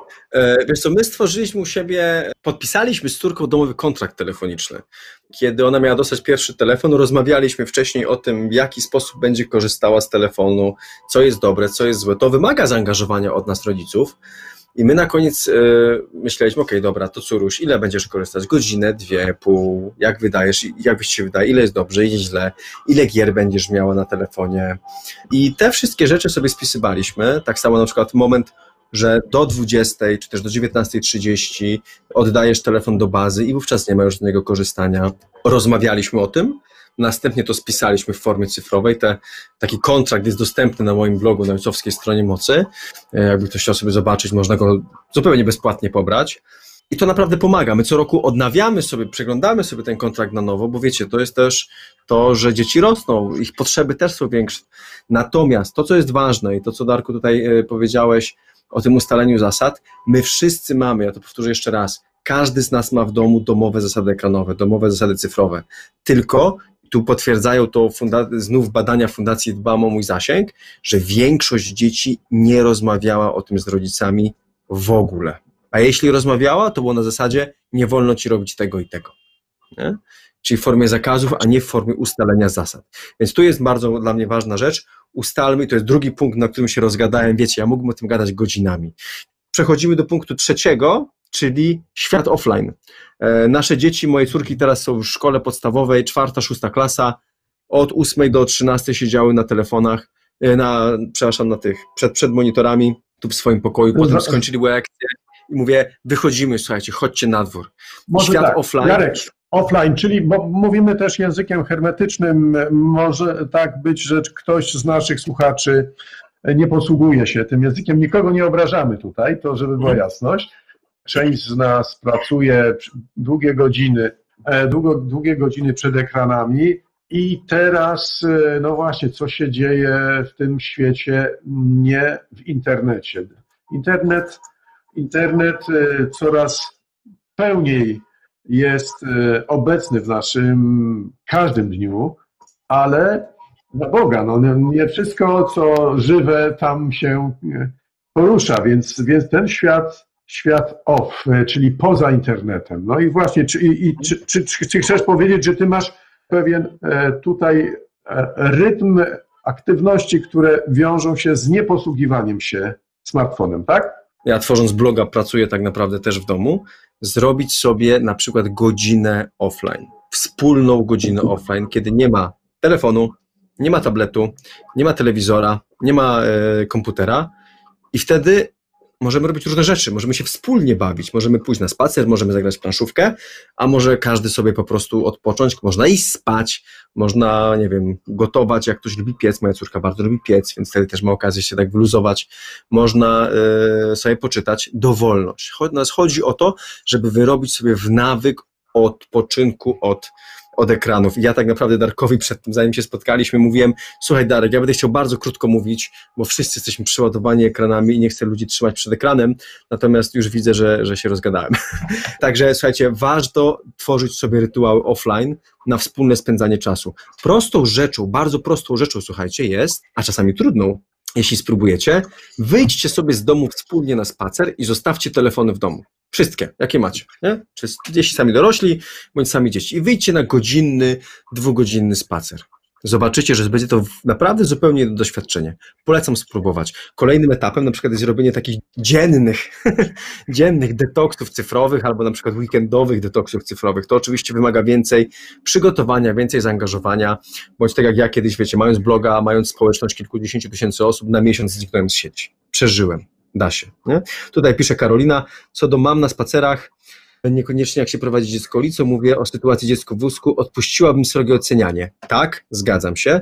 Jak dziecko śpi w wózku na spacerze, to chyba lepiej, żeby mama skorzystała z telefonu niż w czasie aktywności dziecka, oczywiście zachowując ostrożność. Tak, zdecydowanie nie można oceniać, bo się może okazać, my nie wiemy, co ten człowiek robi, drugi, bo być może on w domu spędził 5 godzin z tym dzieckiem. Bawił się po prostu jak dzik szalony i teraz po prostu ma jedyną godzinę, żeby napisać do swojej mamy, żeby napisać do koleżanki, żeby coś tam załatwić z pracą. Tak, nie oceniajmy, ale pracujmy nad sobą.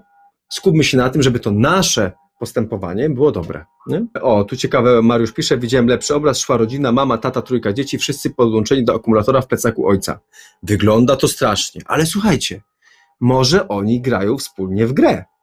Może oni na przykład, były tam kwestie bardzo popularności Pokémonów, dużo z tym było kontrowersji, czy to dobre, czy złe, nie wnikajmy w to, natomiast może robił geocaching, czyli wspólne poszukiwanie punktów jakichś na mapie. I to jest taki bardzo fajny sposób, żeby przenieść trochę świat online, czyli świat cyfrowy, do świata rzeczywistego. Ja nie mówię, że tak było, być może wszyscy siedzieli na YouTubie i oglądali filmy.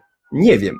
Natomiast to, co powiedziała, zapomniałem niestety imienia, poprzednia, e, poprzednia komentatorka, nie oceniajmy tak od razu, natomiast skupmy się na tym, żeby sami dobrze robić. Także słuchajcie, czas offline to jest po pierwsze czas na budowanie relacji, ta, którą właśnie przechodzę, Darku, już przechodzę, już przechodzę, już przechodzę, e, a także czas odpoczynku dla oczu. Daję Ci teraz powiedzieć, jeśli możesz, bo się muszę napić, bo mi w gardle zaschło. Taki czas e, wspólny, e, nawet z telefonem w trybie samolotowym, jest e, wielkim dobrodziejstwem, by zobaczyć to, co jest wokół. Ja miałem przyjemność e, takiego diety cyfrowej podczas wielkiej przygody. To są warsztaty trzydniowe dla taty i dziecka. I zasada, która tam obowiązuje, przez trzy dni wyłączamy telefony w, albo przełączamy w tryb samolotowy. I to muszę powiedzieć, początkowo było bardzo trudne, wręcz bolało bardzo i, i dzieci, i ojców, ale już bardzo szybko okazało się, że, że można więcej zobaczyć i usłyszeć, gdy, gdy to urządzenie jest odstawione. I, I myślę, że, że taki rytuał, w którym mamy taki czas, w którym to urządzenie, to nie jestem niewolnikiem. Tak wiele różnych aplikacji, tak wiele różnych osób e, chce naszą uwagę pozyskać. Kiedyś po wyłączeniu telefonu na 4 godziny zauważyłem ponad 400 e, nieodczytanych powiadomień w różnych mediach. Tylko tak. kilka godzin. 400 nieodebranych powiadomień. Czy ja się czułem e, jakiś uboższy, nie fair? Nie. Okazało się, że przeglądając te, te tak. powiadomienia, one nie wymagały mojego całego czujnego czuwania i odrywania się od relacji, rozmów, posiłków, z którymi miałem z ważną osobą. Dla mnie po to, żeby w, jednym, w tym samym czasie słuchać powiadomień. Więc zaangażowany ojciec to jaki twoim zdaniem? Właśnie, bo tak. to chyba idziemy w Zaangażowany punkt czwarty, czyli e, punkt czwarty naszego nowego cyfrowego ładu, zdrowego cyfrowego ładu, ojciec zaangażowany, czyli taki, który nie zostawia dziecka samego z technologią. Nie mówi mu, masz telefon i nara. Nie? To jest ojciec, który tak naprawdę towarzyszy dziecku, tłumaczy mu cyfrowy świat, bo wiecie, my możemy dziecku tłumaczyć, jak działa Facebook, możemy mu spróbować wytłumaczyć, jak działa TikTok, możemy spróbować wytłumaczyć, jak działa YouTube, ale ważniejsze jest od tego nie jak działa konkretny jeden e, serwis czy jedno urządzenie. Nie. My musimy dziecko nauczyć poruszania się w cyfrowym świecie jako takim, bo za pięć lat będą zupełnie inne apki. I ono wtedy będzie musiało się nauczyć wszystkiego na nowo. A jeśli my przekażemy mu wartości, jakimi trzeba się kierować, czyli nie wyzywamy innych w internecie, nie obrażamy, nie szerujemy rzeczy, nie udostępniamy rzeczy, których nie jesteśmy pewni, jakichś plotek, jakichś fejków, nie, mm, nie wrzucamy czyichś gołych zdjęć do internetu, komu zrobimy, bo wiecie, to się może przypadkiem zdarzyć dla żartów w szatni szkolnej, puk, puk, puk, telefony i nagle jest, nie?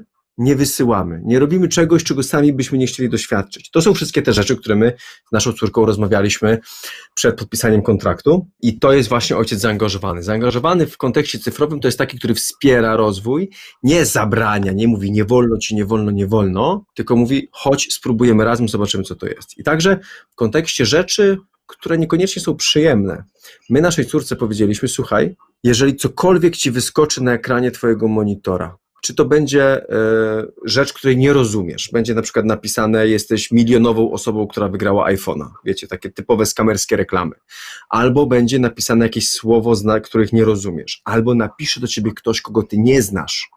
Albo napisze ktoś, kto nas obraża i każe ci, wiesz, z rodzicami tracić kontakt. Albo zobaczysz kogoś gołego, albo jakiś filmik, gdzie dzieją się rzeczy niepokojące, typu pornografia na przykład to ty przyjdź do mnie z tym. Przyjdź, a ja obiecuję, że nie nakrzyczę na ciebie, nie dostaniesz bana na telefon od razu, tylko razem zobaczymy, co się stało, bo powodów może być tysiąc i wspólnie spróbujemy znaleźć rozwiązanie i wytłumaczenie tego, co się wydarzyło, bo być może, na przykład, jeśli to był jakiś telefon nieznany, to możliwe, że dzwoniła koleżanka, a możliwe, że jakiś operator telefonii komórkowej albo telefon gdzieś wyciekł i dzwonili z reklamami na przykład. Nie? Nie, od, nie od razu zakładam, że to dzwoni ktoś, kto chce porwać moje dziecko albo je wykorzystać. Nie. To przeważnie są rzeczy jakieś takie normalne, codzienne. Nie? E, zdarzyło nam się, że córka na grupie WhatsAppowej, jedna z dziewczynek, zmieniła opis grupy, wstawiła tam zdjęcie, na którym było kilka słów niecenzuralnych, no i wtedy po prostu trzeba było powiedzieć, ok, ona zrobiła to, te słowa oznaczają to, to i to, a teraz napiszmy do niej, żeby już tak więcej nie robiła, no i zmieńmy tę ikonę, żeby była taka, żeby po prostu nikogo nie obrażała. Więc wiecie, taka umiejętność wprowadzania dzieci na zasadzie przewodnika, idę z tobą, pokazuję ci, ty mi zaufaj, bo razem po prostu możemy ten świat cyfrowy jakoś oswoić, nie być w nim intruzami, nie, nie być bojaźliwymi takimi, którzy boją się, że za chwilę ktoś nam zrobi krzywdę, ale po prostu z taką godnością i świadomością e, w ten świat cyfrowy skraczać. Więc to i też uczenie właśnie takich świadomych cyfro, e, zachowań, właśnie tego, co już wspomniałem wcześniej, o takim powielaniu fejków, wysyłaniu informacji, których nie znamy, które dopiero pojawią się w dużej mierze w mediach społecznościowych, które, oczywiście każdy rodzic tu sam decyduje, kiedy dziecko założy konto na Instagramie czy na Facebooku, natomiast według prawa no jest to wiek 13 lat. Poniżej tego okresu dzieci nie mogą mieć tego. Natomiast to nie jest też e, akurat kwestia naszej rozmowy, natomiast pamiętajmy o tym, że w momencie, kiedy nasze dzieci wchodzą w świat mediów społecznościowych, warto, żeby dużo wcześniej, żebyśmy z nimi już prze, gadali te wszystkie rzeczy. Właśnie powielania treści, komentowania, obrażania i tego, że cokolwiek zostawią w internecie, cokolwiek napiszą, jakiekolwiek zdjęcie wyślą, czy zrobią to na stories, czyli w takich serwisach, gdzie na Instagramie, czy na Facebooku, czy na Snapchacie rzeczy znikają po 24 godzinach, to nawet jeśli to zniknie po 24 godzinach, to to w internecie już będzie zawsze, bo cokolwiek się wysłało, trafia tam na zawsze. I tyle o, o zaangażowaniu. Internet, internet pamięta, tak. Więcej, ja myślę, że tak. tyle teraz. Natomiast, natomiast już podczas e, specjalnego panelu ten temat i myślę, że tu więcej pytań się pojawi. Tutaj się też pojawiła bardzo ciekawa, nawiązująca Jarku do Twojej wypowiedzi propozycja kuponów. Zobacz, e, w rodzinie wprowadziłem kupony dla dziecka, na, żeby wybierało, jakie bajki i kiedy chce oglądać, ale też to są pewne limity. I myślę, że to mhm. jest mądrość, która, która zaangażowanego tatę może wyróżniać. Świat nie kończy się w, przestrzeni mhm. cyfrowej. I też dziękuję za ten głos.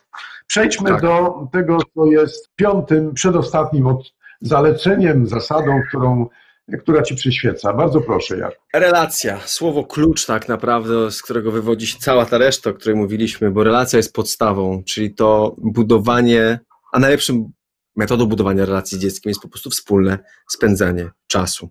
Od małego, kiedy to są jakieś drobne zabawy, potem przez czytanie książek, budowanie relacji po to, żeby dziecko wiedziało, że my jesteśmy przy nim, my jesteśmy tym towarzyszem i na przykład to, że potem będzie wiedziało, że może do nas przyjść, bo tak jak to, co powiedziałem wcześniej, nie nakrzyczymy na nie od razu, tylko po prostu będziemy mogli mu w stanie wytłumaczyć pewne rzeczy, bo nie będzie się nas bało.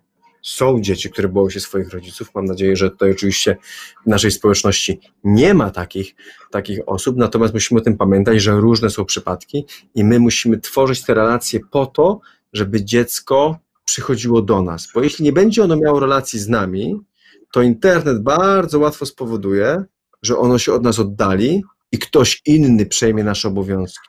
Internet, media cyfrowe, smartfony, często się mówi, że one zabijają relacje między dziećmi a rodzicami.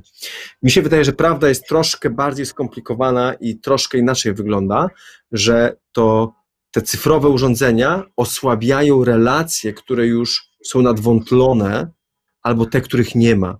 I wtedy dziecko szukając więzi, szukając jakiejś bliskości, no wchodzi w świat cyfrowy, bo tam dostaje jej namiastkę.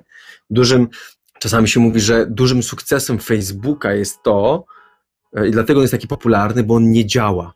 Nie działa w tym sensie, że obiecuje nam bliskość, obiecuje nam relację, obiecuje nam kciuk w górę, że się poczujemy fajnie i będą nas lubić, ale potrzebujemy tego ciągle więcej i więcej i więcej. A jeśli będziemy my w stanie budować relacje, my z naszym małżonkiem, my, e, po także, a nasze dzieci z nami, to tej relacji w tym internetowym świecie będą potrzebować o wiele, o wiele mniej i nie będą jej tam tak szybko szukać. Dlatego budujmy relacje z dziećmi przez wspólne spędzanie czasu, także być może przez spędzanie wspólne czasu online żeby był ten czas offline, czyli świat poza internetem, czyli wycieczki, gry planszowe, które my, my uwielbiamy rodzinne gry planszowe, bardzo polecam jako świetna zabawa, ale też można spędzać czas wspólnie w internecie. Można na przykład wspólnie grać w gry między sobą. Albo na przykład tutaj jeden przykład z tym plecakiem był chodzić i szukać geocachingu, czyli punktów gdzieś po, e, rozsianych po całej Polsce czy po całym świecie, e, żeby, e, żeby je zbierać. Tutaj pada pytanie od Adama, co z 17-latkiem? No, pytanie jest tak ogólne, że ciężko mi na nie odpowiedzieć, natomiast 17-latek, który jest niemal dorosła osoba, na którą my jako rodzice, ja oczywiście nie mam takiego dziecka, więc mówię to na podstawie tylko jakiejś literatury i doświadczeń ludzi, których znam e, i swoich wcześniejszych, na które już nie mamy tak mocno wpływu, więc możemy ewentualnie mu jakoś proponować, podsyłać, dawać przykład, rozmawiać, no ale nie zmienimy go na siłę. Natomiast tu pytanie jest tak ogólne, że, że ciężko mi, no. ciężko mi to powiedzieć. Przejdźmy zatem do punktu myślę, szóstego. Wiesz co, wiesz co, ja no. bym jeszcze tutaj z tym nawiązał do tego pytania Adama o 17-latków. Te pytania często pojawiają się na ojcowskich klubach, które są taką przestrzenią budowania kultury rodzinnej, kultury, w której panuje pewien, no właśnie, pewna przestrzeń. Jest, mamy wysokie kompetencje cyfrowe, ale ale dla siebie jesteśmy ważni. Zresztą sama inicjatywa TatoNet, no to nie, nie mówimy ojciec net, tylko TatoNet, co oznacza relacje. To, jest, to, to pięknie ująłeś w tej, tej zasadzie. Chcemy budować relacje i, i jak najbardziej z 17-latkiem również. I nie może być tak, że ważniejszy dla mnie jest mój telefon lub twój telefon. I jest taka przestrzeń, w której budujemy relacje. E, myślę, że taki kontrakt cyfrowy, on może być odnawiany. O ile, o ile stawiamy pewne limity, granice, to nie chyba w tym sensie, że, e, że posiłek rodzinny ma być miejscem, w którym wszyscy e, komunikujemy się ze sobą za pomocą urządzeń cyfrowych, E, czy, czy miejsce odpoczynku ma być, przestać być tym miejscem odpoczynku. Natomiast zdecydowanie może taki kontrakt cyfrowy być ponownie sformułowany, rozszerzony i z udziałem nastolatków. Ale, ale zapraszam Cię, żebyś nas wprowadził w szósty punkt, ten ostatni już na dzisiaj tak. przygotowany. Tak, e, punkt szósty, czyli tak naprawdę never ending story, niekończąca się opowieść, bo cała historia z wprowadzaniem dzieci w świat telefonów komórkowych i zbudowaniem tego cyfrowego ładu, tych domowych zasadach ekranowych, to jest proces. Bo my możemy naszemu ośmiolatkowi, dziewięciolatkowi powiedzieć, co ma robić, czego nie może robić, ale za pięć lat on już będzie miał 14 lat, będzie miał inne potrzeby cyfrowe, będzie więcej czasu spędzał, bo szkoła, bo znajomi, bo jakieś sporty, bo jakieś zainteresowania. Poza tym pojawią się nowe urządzenia, pojawią się nowe aplikacje, których w tej chwili nie ma po prostu zwyczajnie. Świat pójdzie do przodu. Dlatego musimy zdać sobie sprawę z tego, że to wszystko jest proces. I dla naszego własnego też dobra, yy, i dla dobra tych naszych kontaktów z dzieckiem, i dla bezpieczeństwa, my, jako dorośli, jako rodzice, powinniśmy przyjąć taką postawę rozwoju, takiej chęci niepozostawania cyfrowym ignorantem, że wiecie, te telefony, a to jest sprawa dziecięca, nie? To dzieciaki, nastolatki niech się bawią, a ja to tam nie muszę, nie? To jest prosta droga do tego, żeby zostawić po prostu przepaść, o, przepaść, puk i nie ma tej nici porozumienia i dziecko nam odejdzie. Ono po prostu ten świat cyfrowy pochłonie.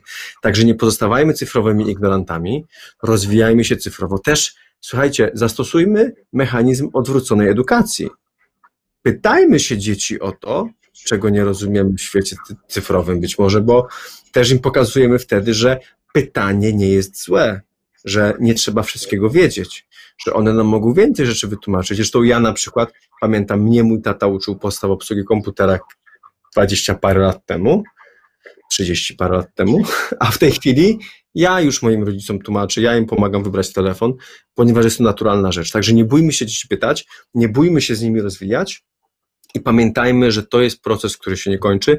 Tak samo zresztą jak wychowanie, tak samo jak wspólne życie. Idziemy cały czas do przodu. Także nie zapominajmy o tym i nie, nie myślmy o tym, że raz ustalimy zasady, raz mu powiemy o 20 koniec, dwie gry, dwie gry na telefonie i nie więcej niż godzina dziennie z telefonu i to nam starczy na całe życie. Nie. Darek tu powiedział, kontrakt można odnawiać, ja do tego gorąco zachęcam, my tak robimy i to naprawdę pomaga, pozwalamy sobie przypomnieć pewne rzeczy, pewne rzeczy spisane, zapomniane wracają do głowy, mamy szansę na nowo o tym wszystkim porozmawiać.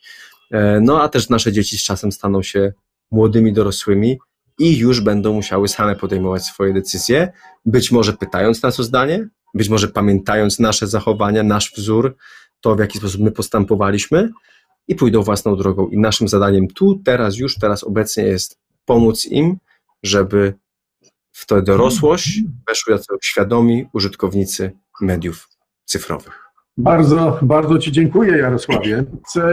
Na sam koniec, ale bardzo krótko, jako zajawkę tego, co będzie się działo, e, jakby znaczać ojcowskie priorytety. No i jak Ty odpowiesz, tato, na to pytanie. Twój priorytet. Trochę już więcej wiemy, o co chodzi w tym internecie dzięki spotkaniu z Tobą. Pytam Cię o to, co jest najważniejsze, o priorytet. W, tym jednym momencie. zdaniu w trzech? Krótko czy długo? Dwa zdania. Dwa zdania. Dwa zdania. Dwa zdania, wielokrotnie złożone. Moim ojcowskim priorytetem e, jest to, żeby dzieci były samodzielnymi, potrafiły podejmować samodzielne decyzje nie dać się wciągnąć w taki wir chorągiewki, że ktoś inny za nie podejmuje decyzje, a one idą, ponieważ współczesny świat, i to nie tylko ten internetowy, ale ten internetowy zwłaszcza, pragnie dwóch rzeczy, i to od nas, i także od naszych dzieci. po pierwsze uwagi i czasu, bo to jest waluta, i drugie tej realnej waluty, czyli pieniędzy. E, kup, wejdź, zobacz. I chciałbym, żeby moje dzieci przeprowadzić od tego etapu niemowlęctwa do tego etapu dorosłości, tak żeby wyrosły na samodzielne, odważne, myślące, pewne siebie córki, które i kobiety, e, które nie będzie tak łatwo się dało oszukać. Albo w ogóle się nie da oszukać. Bardzo Ci Albo dziękujemy. Tak, bardzo Ci dziękujemy. To jest e, to e, wielka przyjemność razem z Tobą dzisiaj zanurzyć się w ten świat cyfrowy i oswajać go, oswajać, żeby nie stał się tym dzikim smokiem, który pożera nas, nas i nasze rodziny, nasze córki. W Krakowie kiedyś smok pożerał, a, a dzisiaj te smoki są wszędzie. Wszędzie, tak. więc e, dziękuję Ci za to, że wskazyła, wskazujesz nam tutaj kierunek do tego, żeby, żeby być odpornym na ten ogień, ogień zły, ale, ale z drugiej strony, żebyśmy e, pokazujesz też, jak czerpać ten dobry ogień. Kolejna dawka energii, spotykamy się e, ponownie z Jarkiem i z, kilkoma niesamowicie fajnymi tatami, którzy również są ekranoodporni albo potrafią, e, potrafią w mądry sposób pomagać, poruszać się w tej przestrzeni wirtualnej, internetowej. I to jest nam bardzo potrzebne. Także dziękuję. Tak, widzimy o co chodzi, o samodzielność, pomóc dzieciom podejmować samodzielne decyzje. Zamknę tymi, tymi słowami, które, którymi rozpoczynałem. Są wokół nas różne trudności, ale właśnie trudności są miejscem nowych możliwości. I mam taką radość z tego spotkania, że właśnie o tych możliwościach mogliśmy dzisiaj z Jarkiem rozmawiać. Ojcowska strona mocy to, to miejsce, które pokazuje więcej takich, takich możliwości to był głos doktora Dariusza Cupiała, inicjatora projektu Tatonet, a także Jarosława Kani autora bloga i podcastów Ojcowska Strona Mocy. Sprzed mikrofonu kłania się Magdalena Lipiec-Jaremek. Mówię Państwu do usłyszenia, dobranoc, jak zawsze w każdy wtorek, tuż po 22. Dziękuję, kłaniam się. A kontakt z naszą audycją rodzicemałpka.radio.lublin.pl